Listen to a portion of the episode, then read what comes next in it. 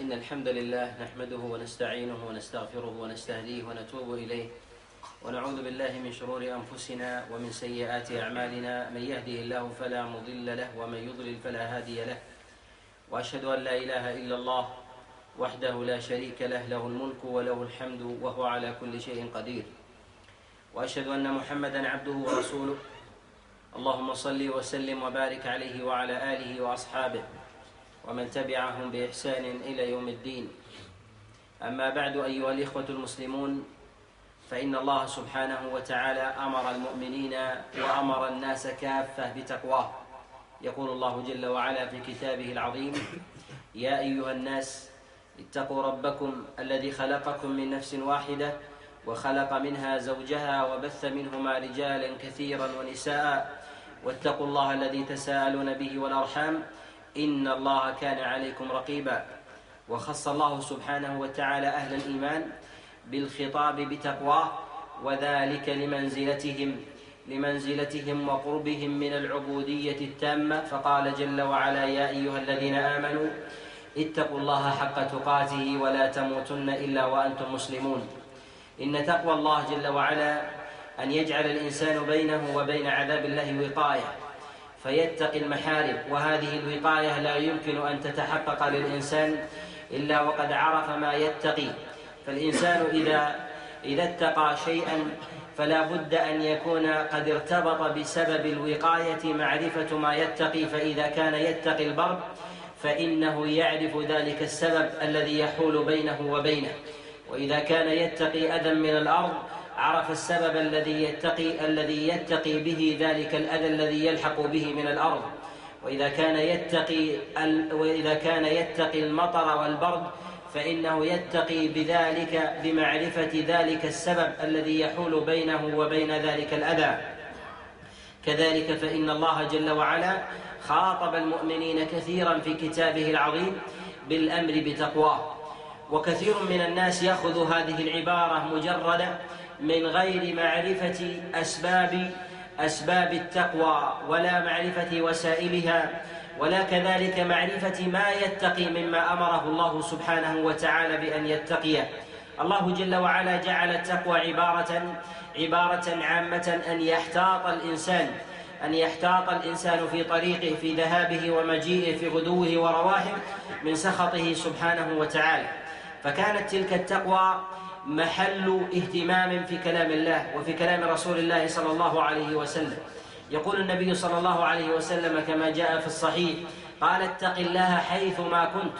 أمر النبي صلى الله عليه وسلم بتقواه في كل موضع وفي كل مكان وفي كل زمان أيضا. إذا كانت هذه التقوى مصاحبة للإنسان ملازمة دل على أن الإنسان لا بد أن يكون مستحضرا مستحضرا لما يتقي على سبيل الدوام. فإذا كان الاتقاء في ليله ونهاره وقيامه وقعوده في غدوه ورواحه يعني أنه لا بد أن يكون متدثرا كحال الذي يتدثر من البرد على سبيل الدوام في ليل ونهار. وأما بالنسبة للأسباب الشرعية التي حذر الله عز وجل من من الوقوع فيها وأمر الإنسان المؤمن بأن يتقيها لا يمكن للإنسان أن يتحققها إلا لا يمكن أن يتحققها إلا بالعلم.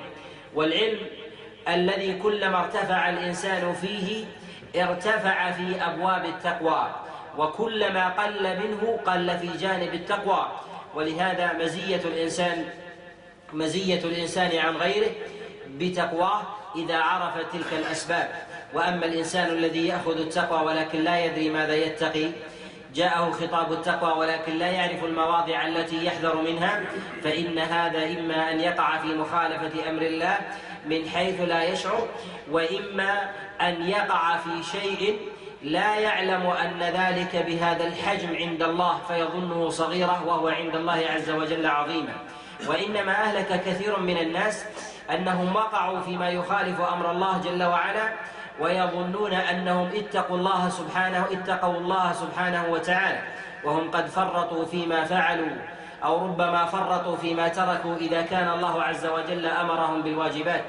إن تقوى الله سبحانه وتعالى إذا أراد الإنسان أن يعرف معناها وحقيقتها فعليه أن ينظر في حاله إذا أمر أحدا من الناس أن يتقي طريقا من الطرق أو سلك مسلكا فيجب عليه أن يحذر في طريقه. إما من أذى الأرض إما من إما من أذى الأرض من شوك أو ربما حفر فتجد الإنسان يترقب في ذهابه ومجيئه. وإذا كان في ليل وظلام دامس أخذ الإنسان يتوقف ويحتاط وربما يتلمس الأرض بيده حتى لا يقع الإنسان فيما يخالف أمر الله سبحانه وتعالى. العالم الذي الذي تمكن من العلم الشرعي يرى الطريق مد البصر. ويجري في ذلك بما استطاع وربما ركب خيلا أو فرسا أو ما استطاع من أن يجري به لأنه على بصيرة وبينة من أمره. وأما بالنسبة للجاهل فإنه يسلك طريقا مظلما يتخبط فيه فهو بين أمرين. فهو بين أمرين. إما أن يجري سريعا كما يجري الناس ويظن أنه على بصيرة فإذا سلمه الله عز وجل وكل ذلك إلى نفسه فربما يسلم. وربما يتخبط الإنسان في ظلام فيصل إلى مراده وهم قلة وربما يتخ وربما يسير الإنسان في ظلام فيتهوى في حفرة من حفر الجهل. لهذا تجد كثيرا من المسلمين يقع في شيء يخالف أمر الله سبحانه وتعالى يخالف أمر الله جل وعلا يبقى على ذلك سنة وسنتين وربما عشر وربما أكثر من ذلك ولا يعلم ولا يعلم عنه. وذلك من أعظم وجوه الخطر عند الإنسان خاصة فيما يتعلق بتوحيد الله جل وعلا. الله سبحانه وتعالى خلق الإنسان لعبادته. يقول الله جل وعلا في كتابه العظيم وما خلقت الجن والإنس إلا ليعبدون أي سبب إيجاد الإنسان في هذه الأرض إنما هو لعبادة الله. وأما بالنسبة للدنيا فإن الإنسان يعمرها لتكمل له أسباب العبادة وأسباب العبادة متنوعة. منها ما يتعلق بالصلاة فيكتمل له أمر الصلاة. فلا ينشغل بكد بكد وكدح لأهله ونحو ذلك وإطعامهم وستر عوراتهم فينصرف عما أوجب الله عز وجل عليه. ومنها ما يتعلق بقوة أهل الإيمان بما يرتبط بنصرتهم على غيرهم فيتقوى أهل الإيمان بإيمانهم ويتقوون ويتقوون باقتصادهم وقدرتهم البدنية وغير ذلك. ومن ذلك ما يتعلق بحظوظ النفس. إن أي أمر من أمر الدنيا يشغل الإنسان يشغل الإنسان عن أمر ربه فليعلم أنه من عرض الدنيا الذي يفتن فيه كثير من الناس. النبي صلى الله عليه وسلم النبي صلى الله عليه وسلم أمر البشرية كلها بسلوك بسلوك الطريق إليه وأن من سمع إليه يجب عليه أن يعرف الطريق المعبد الذي يصل إليه. قد روى الإمام مسلم من حديث الفزاري قال النبي صلى الله عليه وسلم والذي نفسي بيده لا يسمع بي أحد من هذه الأمة يهودي ولا نصراني ثم لا يؤمن بي إلا أدخله الله النار.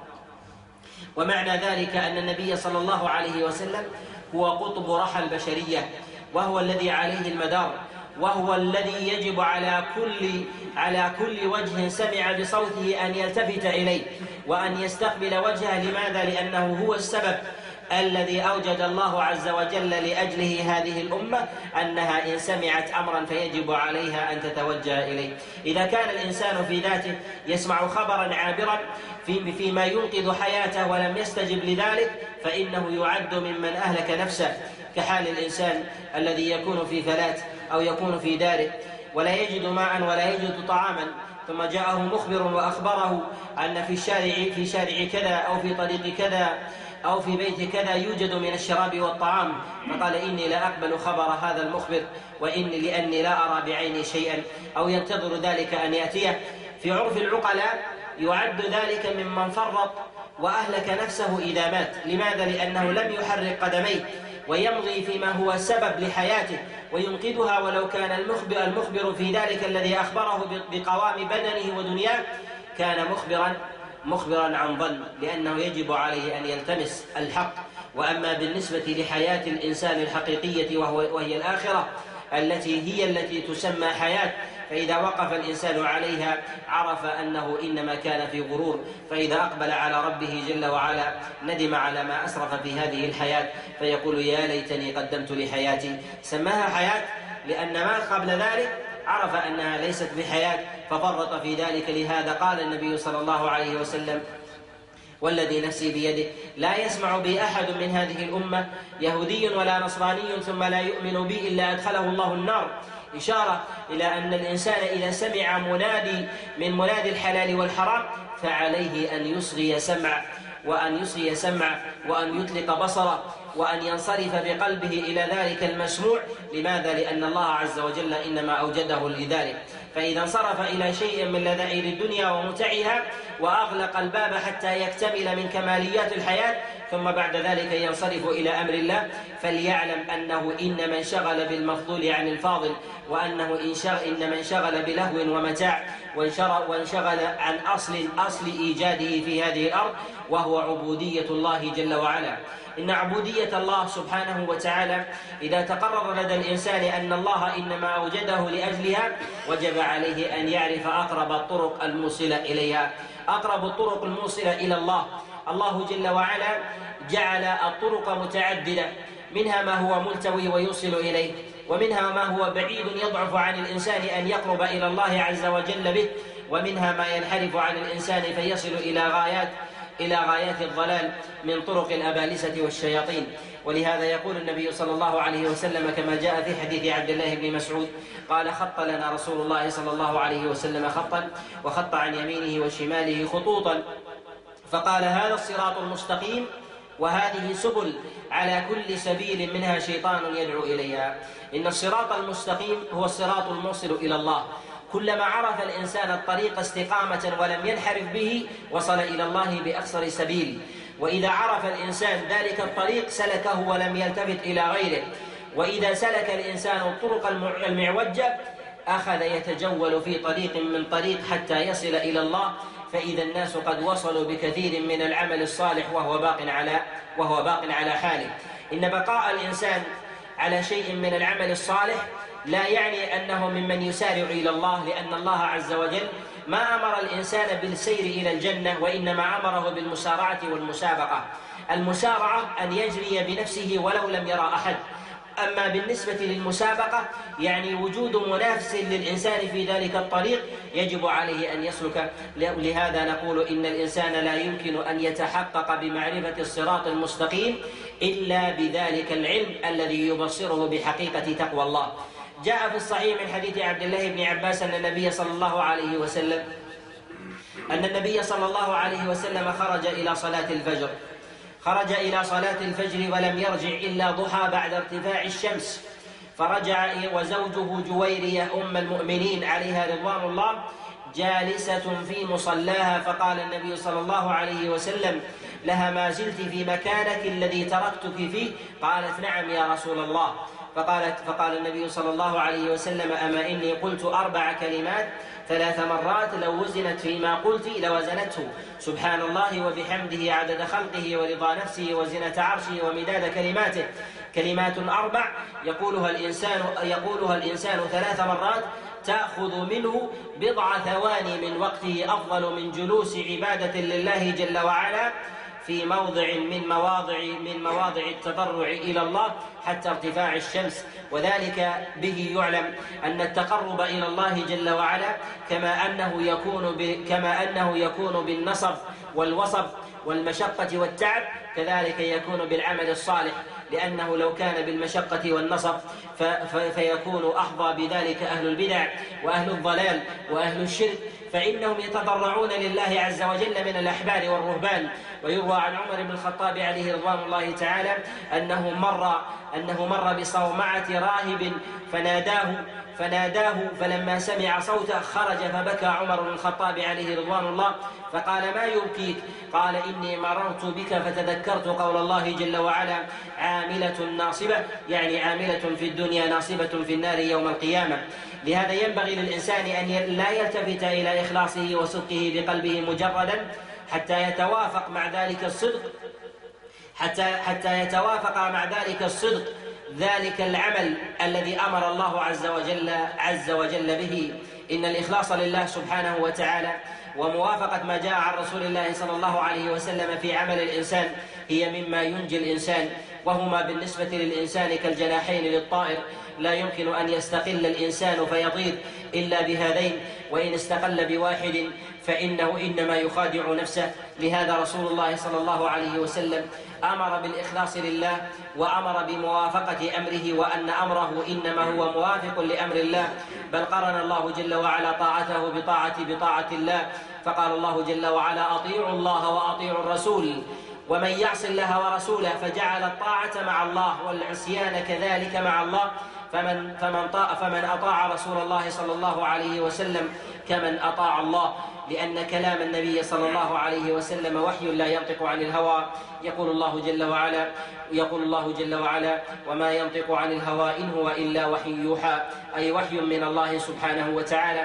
وقد جاء من حديث وقد جاء من حديث أحمد بن زيد بن هارون وقد جاء من حديث أحمد بن زيد بن هارون أنه قال إنما هي يعني شريعة الله التي أرسلها الله عز وجل ارسل محمدا بها إلى البشرية إنما هي صالح عن صالح وصالح عن تابع وتابع عن صاحب وصاحب عن رسول الله ورسول ورسول الله عن الله جل وعلا لا يمكن أن يأتي أحد برأي من آرائه. لهذا رسول الله صلى الله عليه وسلم إنما هو مبلغ عن الله. يقول الله جل وعلا يا أيها النبي يا يا يا أيها الرسول بلغ ما أنزل إليك من ربك وإن لم تفعل فما بلغت رسالته. يعني أن النبي صلى الله عليه وسلم إنما هو مبلغ عن الله جل وعلا لا يأتي بشيء من تلقاء نفسه إنما هو من وحي الله سبحانه وتعالى. إن بعض الطوائف التي تنتسب للإسلام التي لا تقيم لأحاديث رسول الله صلى الله عليه وسلم وزنا وتلتمس الحق مجردا من القرآن وتقول ما وجدنا في القرآن أخذنا وتمسكنا به ولا يلتفتون لسنة النبي صلى الله عليه وسلم. حذر النبي من تلك الآراء وتلك الأقوال. في زمنه فقال لا ألفين أحدكم متكئا على أريكته. متكئا على أريكته يأتيه الأمر من قولي فيقول ما وجدنا في كلام الله أخذنا به وما لم نجد به فإنا لا نأخذه. فقال النبي صلى الله عليه وسلم ألا وإني أوتيت القرآن ومثله معه؟ ألا وإني أوتيت القرآن ومثله معه مثله ذكر المثلية هنا يعني المشابهة في أمر الحجة. المشابهة في أمر النجاة أي أن الله عز وجل جعل كلام رسول الله صلى الله عليه وسلم تبيانا للحق المجمل في كلام الله. لا يمكن للإنسان أن يؤدي الصلاة الصلاة المفروضة إلا إلا بما جاء عن رسول الله صلى الله عليه وسلم. فهو لا يعلم وضوءها ولا يعلم مجموع شروطها ولا يعلم عدد ركعاتها وبداية أوقاتها ونهايتها فضلا عن سننها وآدابها وما جاء من وما جاء من مجموع أحكامها ومن الصلوات العارضة المتعلقة بالمناسبات كصلاة الكسوف والخسوف والخوف والاستسقاء وغير ذلك إلا بهدي رسول الله صلى الله عليه وسلم. لهذا لما قطع لما قطع حبل الاجتهاد لما قطع حبل الاجتهاد بوفاة رسول الله صلى الله عليه وسلم لم يكن لأحد قول لم يكن لأحد قول في مسألة نص عليها الدليل. وإذا لم ينص عليها الدليل فإنها من نوازل الإسلام. يحكم الإنسان فيها بقواعد الإسلام وأن لا يخرج عن ذلك لأن الله عز وجل قد كفر لهذه الأمة الدين. فقال الله جل وعلا اليوم أكملت لكم دينكم وأتممت عليكم نعمتي ورضيت لكم الإسلام دينا فالله عز وجل قد رضي لهذه الأمة الدين. فما مات عليه النبي عليه الصلاة والسلام فهو مما رضي الله عز وجل به الدين. وما بقي شيئا يرضاه الله عز وجل لهذه الأمة إلا وقد نزل على محمد في ذلك اليوم ونزل حكما على رسول الله صلى الله عليه وسلم قبل ذلك. فإن فإن فإن الإنسان إذا اجتهد شيئا في دين الله ما ليس منه ما ليس منه فليعلم أنه إنما ابتدع وأحدث. أنه إنما ابتدع وأحدث وأن اجتهاد الإنسان في عمل في عمل طاعة يظنه قربة يظنه قربة ولا عليه دليل من كلام الله ولا من كلام رسول الله صلى الله عليه وسلم فليعلم أنه ابتدع وأحدث في دين الله واتهم الدين بالنقص ورضا الله بعدم الكمال والتمام. تعالى الله عز وجل عن ذلك علوا كبيرا. قد روى ابن أبي شيبة وابن وضاح في كتاب البدع والنهي في كتاب البدع والنهي عنها أن عبد الله بن مسعود عليه رضوان الله دخل على قوم في مسجد من مساجد الكوفة وهم جالسون حلقا وفي وسطهم رجل وفي أيديهم حصى ويقول لهم سبحوا مئة هللوا مئة كبروا مئة فيهللون مئة ويكبرون مئة ويسبحون مئة. فقال عبد الله بن مسعود عليه رضوان الله عدوا سيئاتكم عدوا سيئاتكم وأنا ضامن أن لا ينقص من حسناتكم شيئا. قالوا يا أبا عبد الرحمن والله ما أردنا إلا خيرا. قال وكم من مريد للخير لم يجد. ويحكم يا أمة محمد. هذه ثياب رسول الله صلى الله عليه وسلم لم تبلى وهؤلاء أصحابه متوافرون وهذه آنيته لم تكسر. إنما أنتم على ملة هي أهدى من ملة محمد صلى الله عليه وسلم. وإلا فأنتم مفتتحون باب ضلالة. إن الوقوف على النص والورود إلى منهل الوحي الذي أمر الله عز وجل به ليس حصرا للعمل إنما هو حصر للتعبد لله عز وجل بما شرع وأن لا يخوض الإنسان في شيء ليس له أثر في ذلك وأما ما عدا ذلك من أمر دين الإنسان فيسعى الإنسان فيما شاء ويبني ما شاء ويركب ما شاء ويمتطي ما شاء ويلبس ما شاء ويأكل, ويأكل من الطعام ما شاء. خلق الله عز وجل للبشرية الأرض فيضرب فيها السبل ويأكلوا مما, مما أراد الله سبحانه وتعالى لهم حلالا طيبا. يقول الله جل وعلا هو الذي خلق لكم ما في الأرض جميعا ثم استوى إلى السماء خلق لكم ما في الأرض جميعا. فيه إشارة إلى أن المستثنى في ذلك لا لا يناسب أن أن يخرج لفظ الجمع مما خلق الله. فما خلق الله من شراب وما خلق الله من طعام وما خلق الله من كساء وما خلق الله عز وجل من مسكن للإنسان جعله الله سبحانه وتعالى حلالا طيبا. وعد الله عز وجل محرمات يسيرة على الإنسان يعدها الإنسان بأصابع يده بأصابع يده من المأكولات وبأصابع يده الأخرى من الملبوسات ومرة أخرى كذلك فيما فيما يطلق الإنسان فيه بصره أمره بأن يطلق بصره في السماء وفي الأرض وفي الفجاج وعن يمينه وشماله يأخذ العبر ويتدبر ويتفكر فيما أراد الله سبحانه وتعالى. استمع للخطبة الله يحفظك ولا تتكلم النبي عليه الصلاة والسلام يقول من تكلم والإمام يخطب فقد لغى. وجاء أيضا من مس الحصى فقد لغى. فكيف بأخوين يتحدثان طول هذه الخطبة ويضحكان أيضا؟ يليق هذا؟ لا يليق هذا بمؤمن. لا يليق لا يليق بمؤمن. النبي صلى الله عليه وسلم حذر من الابتداع. النبي صلى الله عليه وسلم حذر من الابتداع في دينه عليه الصلاة والسلام. فيقول كما جاء في الصحيح من أحدث في أمرنا هذا ما ليس منه فهو رد. فينبغي للإنسان أن يقف على الوحي وأن يلتمس الدليل. فإذا جاء أمرا في أمر الدليل فلا يطلق يده وإنما يكفها ويلتمس في ذلك الدليل. وإذا كان من أمر الدنيا فالأصل في ذلك الإباحة. وإذا جاء أحد منعه من ذلك فليلتمس في ذلك الدليل والأصل في ذلك مسيره. أما بالنسبة للدليل فالأصل في ذلك التوقف وأن الإنسان لا يعمل. أما ما كان من أمر الدنيا فالأصل في ذلك الانطلاق وأن لا يتوقف الإنسان إلا بدليل. وأما بالنسبة للتعبد فالأصل في ذلك التوقف وأن لا ينطلق إلا إلا بدليل من كلام الله وكلام رسول الله صلى الله عليه وسلم. بنو إسرائيل اليهود والنصارى إنما ضلوا وانحرفوا لأن لأن إنما إنما ضلوا وانحرفوا لأنهم أدخلوا في دين الله عز وجل ما ليس منه. أنزل الله عز وجل كتاب التوراة على موسى وأنزل الإنجيل جل وعلا جل وعلا على عيسى ولكن الله سبحانه وتعالى جعل كتابه ذلك على هذين النبيين إنما هو صالح لبني إسرائيل وليس للناس كافة فإن الرسالة إلى الناس كافة ليست من خصائص نبي من الأنبياء إلا نبينا محمد صلى الله عليه وسلم. إلا نبينا محمد صلى الله عليه وسلم. وأما بالنسبة للخطاب الذي جعله الله عز وجل في التوراة والإنجيل جعله الله في التوراة والإنجيل مقيدا لفئة معينة. ومقيدا بزمن معين يبتدئ ببعثة يبتدئ ببعثة موسى وينتهي ببعثة عيسى. فإذا بعث عيسى يبتدئ تبتدئ شرعته وينتهي ذلك برسالة محمد صلى الله عليه وسلم.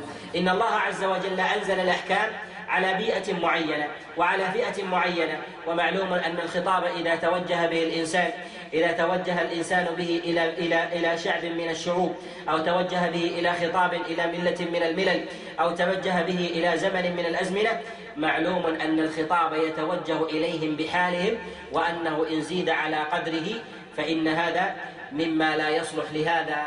لما وجدوا في كلام الله في كتاب التوراة والإنجيل تقادم بهم العهد.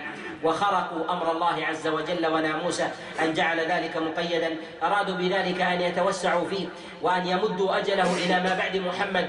جاءت مستجدات كثيرة فيما يتعلق فيما يتعلق في حياتهم. نظروا في أمر التوراة فلم يجدوا من ذلك شيئا. أدخلوا فيها شيئا من النصوص حتى تتسع بزعمهم وإرادتهم. أدخل الأحبار والرهبان فيها وما زالت عجلة الزيادة الزيادة والنقصان فيه تستمر في ذلك وسبب ذلك أنهم زادوا زادوا ذلك الأجل حتى وصل الأمر إلى حتى وصل الأمر إلى تعدد نسخ التوراة وتعدد نسخ الإنجيل وافتضح الأمر ولم يجدوا حينئذ أمرا إلا أن ينحوا التوراة والإنجيل عن أمر الحياة وقالوا حينئذ نقر أنها لا تصلح لهذه الحياة فإنما هي لحياة الأفراد وليست لحياة الجماعة. ثم بدأوا بسن ما يسمى بأنظمة بأنظمة الوضع لحياتهم بأنظمة الوضع لحياتهم لماذا؟ لأنهم لم يجدوا شيئا في كلام الله سبحانه وتعالى يضبط لهم ذلك الأمر خاصة خاصة بعدما فشى في ذلك من التحريف من تحريف كلام الله وتعطيل أحكام الله سبحانه وتعالى إن الله عز وجل حفظ على هذه الأمة دينها وأمرها بالعمل وأمرها بالعمل بما فيه والتفكر والتدبر بما فيه فإن الله عز وجل جعل فيه الأخبار وجعل فيه النظر والأقيسة والاعتبار. يقول النبي صلى الله عليه وسلم كما جاء في سنن الترمذي وغيره من حديث علي بن أبي طالب قال كتاب الله كتاب الله فيه نبأ من قبلكم وخبر ما بعدكم هو الجد ليس بالهزل ما تركه من جبار إلا قصمه الله ما تركه من جبار إلا قصمه الله. يعني لا بد أن تكون عاقبته إلى وبال. ومعنى الترك يعني أنه كان بين يديه ثم أخذه ونحاه ووضعه يمنة ويسرة وهذه سنة لله عز وجل كونية. أن الله عز وجل لا يمكن لأحد طويلا. لا يمكن لأحد طويلا. قد نحى كلام الله عز وجل. وإنما يملي له الله سبحانه وتعالى. فإذا يملي له الله عز وجل فترة معينة ثم يأخذه أخذ عزيز مقتدر. فكان لله عز وجل عبرة. أن الظالم والطاغي والخارج عن دين الله سبحانه وتعالى له أمد. لهذا يقول الله جل وعلا وكذلك أخذ ربك إذا أخذ القرى وكذلك أخذ ربك إذا أخذ القرى وهي ظالمة. إن أخذه أليم شديد. إمهال الله قدره لا يدركه الإنسان ولكن أخذ الله شديد. يقول النبي صلى الله عليه وسلم إن الله لا يملي للظالم حتى إذا أخذه لم يفلت. إن أعظم الظلم على الإطلاق هو أن أن يدخل الإنسان شيئا في دين الله شيئا في دين الله ما ليس منه وهو التلبيس. وهو التلبيس. لهذا ينبغي على الإنسان أن يحذر أن يحذر من الافتراء والكذب على الله سبحانه وتعالى. فإن الكذب أعظم الظلم أعظم الظلم على الإطلاق ويأتي الذين كذبوا على الله يوم القيامة وجوههم مسودة يعني أنهم يتميزون عن غيرهم يتميزون عن غيرهم يتميزون عن غيرهم بتلك السمة التي جعلها الله عز وجل على علامة عليهم وذلك عقابا من الله سبحانه وتعالى. لهذا وجب على الإنسان أن يلتزم بالنص أن يلتزم بالنص فإن التزم بالنص فإن هذا عمارة هداية له في أمر الدنيا والآخرة. يقول النبي صلى الله عليه وسلم نظر الله امرأ نظر الله امرأ سمع مقالتي فوعاها فبلغها كما سمعها فرب مبلغ أو عم سامع يعني ينبغي عليه كما أنه أخذ ينبغي أن يبلغ كما أخذ من غير زيادة ولا نقصان. وأن الإنسان إذا سن في الإسلام سنة سيئة فعليه وزرها ووزر من عمل بها. إلى قيام الساعة فليحذر الإنسان فليحذر الإنسان من مخالفة أمر الله سبحانه وتعالى. من مخالفة أمر الله جل وعلا من مخالفة أمر الله سبحانه وتعالى في إدخال دين في دينه ما ليس منه النبي صلى الله عليه وسلم حينما حذر من البدع يعلم أن ثمة أناس أن ثمة أناس يدخلون في دين الله ويدعون إلى الحق ظاهرا ولكنهم من جهة الحقيقة يدعون إلى الباطل. يقول النبي صلى الله عليه وسلم يقول النبي صلى الله عليه وسلم لما سأله حذيفة يقول حذيفة بن اليمان عليه رضوان الله كان أصحاب رسول الله يسألونه عن الخير وكنت أسأله عن الشر مخافة أن يدركني فقلت يا رسول الله إن الله جاءنا بهذا الخير. إن كنا في جاهلية وشر فجاءنا الله بهذا الخير فهل بعد هذا الخير من شر؟ قال النبي صلى الله عليه وسلم نعم. قلت فهل بعد ذلك الشر من خير؟ قال نعم. وفيه دخل؟ قلت وما دخله يا رسول الله؟ قال أقوام يهتدون بغير هدي ويستنون بغير سنتي تعرف منهم تعرف منهم وتنكر. قال فقلت يا رسول الله وهل بعد ذلك الخير من شر؟ قال نعم دعاة على أبواب جهنم. دعاة على أبواب جهنم من أجابهم إليها قذفوه فيها. لهذا ينبغي للإنسان أن يجعل الدليل نصب عينيه وأن يكون علامة بارزة أمامه. فإذا سمع بحجة فليلتمس لها دليلا. إن كثيرا من الناس يلتمس الحجج ويتحرى لأمر دنياه فإذا أراد أن يضع ماله في تجارة أو أن يضارب في شيء سأل أهل الخبرة وسأل أهل العناية والدراية وتلمس أحوالهم وخبرتهم المديدة الطويلة ولكنه إذا جاء في أمر دينه أخذ القول على عواهنه. وربما أخذ دينه من ملصق على حائط لا يعلم من كتبه أو نظر فيه في كتاب لا يعرف مؤلفه. فإذا كان كذلك لا شك أنه أخذ شيئا على عواهنه. من غير من غير أن يلتمس الحق ويتحرى فيه. ينبغي للإنسان أن يتحرى في أمر دينه. أعظم من أن يتحرى في أمر دنياه. ليتحرى في أمر دنياه ما شاء. ولكن لا ينبغي أن يغلب أمر دنياه على أمر دينه. فإن ذلك هو الحيطة. لهذا كثر في كثير من الناس الابتداع والإعراض عن دين الله سبحانه وتعالى. لأنهم يأخذون الفتوى ويأخذون الحكم وهم ذاهبون وهم غادون. وأما أمر وأما ما يتعلق بأمر دنياهم فإنهم يتوقفون الساعات الطوال ليناقشوا مسألة معينة تتعلق بربح وخسارة. إن الله سبحانه وتعالى إن الله سبحانه وتعالى شدد في أمر الوحي وبين أنه إنما حفظه الله جل وعلا من جهة حروفه للناس وأنه لا يمكن لأحد أن يطول حروفه. فقال الله جل وعلا إنا نحن نزلنا الذكر وإنا له لحافظون. أما ما يقع في تلبيس المعنى أما ما يقع في تلبيس المعنى فإن هذا من أعظم وجوه الضلال. إن اليهود إنما كان تحريفهم في كتابهم إنما كان تحريفهم في كتابهم أنهم حرفوا المعاني. فإن التوراة فإن التوراة في نصها أكثر ضبطا من الإنجيل. وأما بالنسبة للمعاني أكثر ضلالا من الإنجيل وذلك أنه لم يكد فيها شيء من المعاني يستقيم على ما أنزله الله سبحانه وتعالى فحرفوا المعاني. ولهذا نرى كثيرا من الناس يضعون ويحرفون الكلمة عن مواضعه يعني يأتون بكلام الله عز وجل ويلوون ألسنتهم بالكتاب لتحسبوه من الكتاب. وما هو من الكتاب؟ لهذا ينبغي للإنسان ألا يغتر بمجرد الدليل وأن يرجع إلى الصدر الأول الذين أمر الله عز وجل بالتمسك فيه بهم. حال الدليل وجمع الخيرية فيهم. يقول النبي صلى الله عليه وسلم كما جاء في الصحيح من حديث عمران قال خير القرون قرني. خير القرون قرني ثم الذين يلونهم ثم الذين يلونهم. وفي هذا إشارة إلى أن هذه القرون الثلاثة هي موضع الخيرية هي موضع الخيرية. فينبغي للإنسان إذا سمع قولا من أولئك أن يعلم أنه أقرب الناس إلى الخير وهم أقرب الناس إلى ذلك. فليمدد بيده إلى حبالهم فليتعلق بها. فإنها أقرب النجاة النجاة إلى رسول الله صلى الله عليه وسلم. وأمتن الحبال المرسلة إلى الله. جل وعلا وهو حبل الله سبحانه وتعالى المتين الذي بدايته بيد رسول الله صلى الله عليه وسلم ونهايته ونهايته في السماء. لهذا قال الله عز وجل وأعتصموا بحبل الله جميعا ولا تفرقوا وكل ذلك الحبل إنما هو في كلام الله لأنه غير واحد من المفسرين. فسر حبل الله جل وعلا فسر حبل الله جل وعلا حبل الله عز وجل بالقرآن الكريم كما جاء هذا عن عبد الله بن عباس ومجاهد بن جبر وسعيد بن جبير وغيرهم من أئمة من أئمة السلف المفسرين. إن تقوى الله سبحانه وتعالى ما تقدم الإشارة إليه لا يمكن أن تتحقق للإنسان إلا بحياطة دينه بمعرفة الحق وتمييز الباطل فإن كثيرا من الباطل والحق في أطرافه. بينهما تداخل. أدخله إنما ضعف عقل الإنسان في ذاته من تمييز الحق من الباطل. وإما أن يكون شبهات قد انطلت على عقول كثير من الناس أو لتقادم العهد وضعف لغة كثير من الناس عن فهم كلام الله. إن كلام الله جل وعلا إنما نزل بلغة العرب بلغة بلغة العرب على لغة قريش.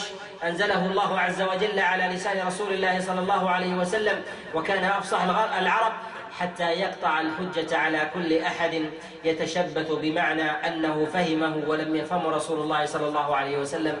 يقول النبي صلى الله عليه وسلم يقول إن إني نشأت في بني سعد بن بكر وولدتني قريش فأنا يأتيني اللحن يعني أفهم كلام الله سبحانه وتعالى كما أراد الله. لهذا وكل الله عز وجل بيانه بيانه إلى رسول الله صلى الله عليه وسلم بوحي من الله. فمن خالف أمر الله عز وجل في ذلك فكان كمن حرف الكلمة عن مواضعه وسلك في ذلك طرائق اليهود والنصارى من الأحبار والرهبان.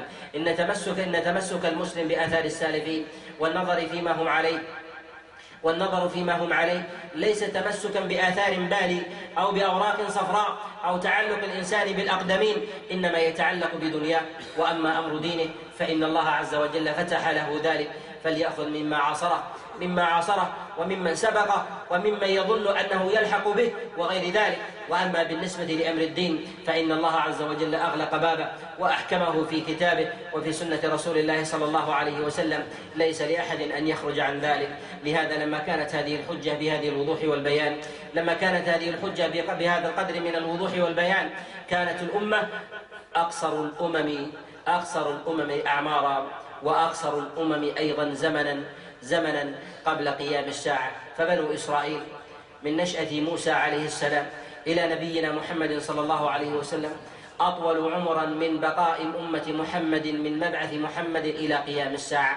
ولهذا ولهذا فإن أمة محمد ستقوم ساعة البشرية قبل قبل المدة الباقية التي كانت بين موسى بين موسى ونبينا محمد صلى الله عليه وسلم. قد جاء في الصحيح من حديث أبي موسى وجاء أيضا من حديث عبد الله بن عمر أن النبي صلى الله عليه وسلم قال إنما بقاؤكم إنما بقاؤكم يعني في الدنيا. إنما بقاؤكم كبقاء من قبلكم. وجاء في رواية عن رسول الله صلى الله عليه وسلم إنما مثل إنما مثلكم كمثل اليهود والنصارى. فرجل أراد أن يستأجر أجراء فقال من يعمل لي من غدوة؟ يعني من طلوع الشمس إلى زوال الشمس على دينار. قال فعملت فقال فعملت النصارى. ثم قال من يعمل لي من غدوة من من يعمل لي من زوال الشمس من زوال الشمس إلى إلى صلاة العصر على قيراط. فعملت اليهود. ثم قال من يعمل لي من صلاة العصر إلى غروب الشمس فعملتم أنتم على دينارين وهم دينار دينار. قال فقالوا فقالوا ما لنا أكثر عملا وأقل أجرا. فقال ذلك فضلي أؤتيه, أؤتيه من أشاء. إن عدل الإنسان مع أجيره يجب عليه أن يكون في مرتبه أن يعطيه إياه لكن لا حرج عليه أن يزيد أحدا. أحدا لمنقبة أو إخلاص أو صدق فيه لمزية لمزية فيه. وهذه المزية إنما كانت لهذه الأمة لأن الله عز وجل يعلم كثرة الفتن التي تكون في آخر الزمان. يقول النبي صلى الله عليه وسلم كما جاء في المسند وغيره ورواه ابن جرير الطبري أيضا أن النبي عليه الصلاة والسلام يقول وددت لو أني رأيت إخواني قالوا يا رسول الله أولسنا إخوانك؟ قال لا أنتم أصحابي ولكن إخواني الذين يأتون بعد يأتون بعدي يؤمنون بصحف يقرؤونها. يعني يؤمنون بأخبار تنقل عني ثم يؤمنون بذلك للعامل منهم. أجر خمسين. قالوا يا رسول الله منا أو منهم؟ قال بل منكم. وهذه مزية لمن تأخر من أمة محمد صلى الله عليه وسلم. فعدل الله عز وجل باقي. فعدل الله سبحانه وتعالى باقي. فإن الأمة فإن الأمة إذا وقعت في فتن وكثرة الصوارف فإن الله عز وجل يجعل لعمل الإنسان في الفتن أعظم من غيره. ولهذا ولهذا عبادة الإنسان في الفتن كما جاء عن رسول الله صلى الله عليه وسلم العبادة في الفتن كالهجرة إليه. الله عز وجل قطع على جملة من الصحابة وهم من خيرة الخلق في هذه الأمة بعد نبي الله. حينما هاجر رسول الله حينما فتح رسول الله مكة قال لا هجرة بعد الفتح وهذا الباب أغلق.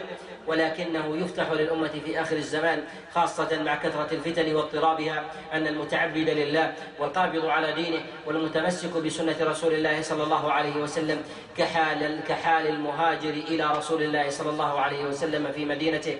وتلك منزلة عظيمة وهي منزلة عظيمة تساوي دخول الإنسان تساوي دخول الإنسان في الإسلام قبل أن كان في الكفر كما جاء في الصحيح من حديث عمرو بن العاص أنه كان أنه لما حضرته الوفاة أنه لما حضرته الوفاة جاءه ابنه جاء ابنه فقال فقال فوجده يبكي فقال ما لك يا أبتاه؟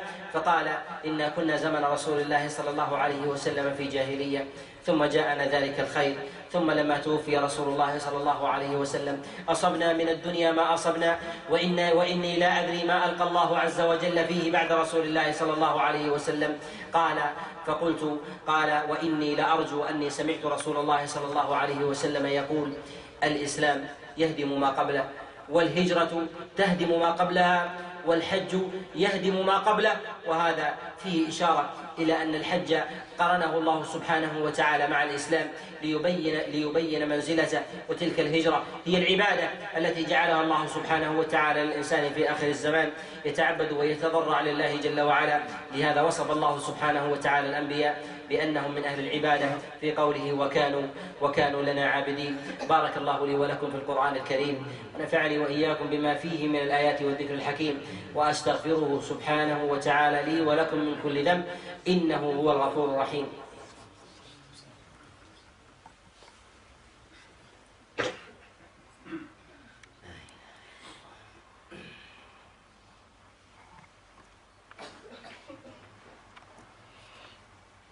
الحمد لله والصلاة والسلام على أشرف خلق الله محمد بن عبد الله وعلى آله وأصحابه ومن تبعهم بإحسان إلى يوم الدين. أما بعد أيها الإخوة المسلمون إن معرفة الإنسان بدينه معرفة الإنسان بدينه هي قوام بدنه هي قوامه كما كما يعتني بقوام بدنه وصحة وصحة قلبه كما يعتني بصحة جسده.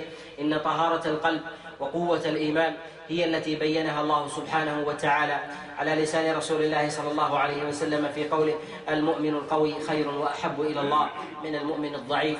إن القوة ليست ليس المراد بها هي قوة البدن وقوة الأجساد. إن المراد بها هي قوة القلب. فإن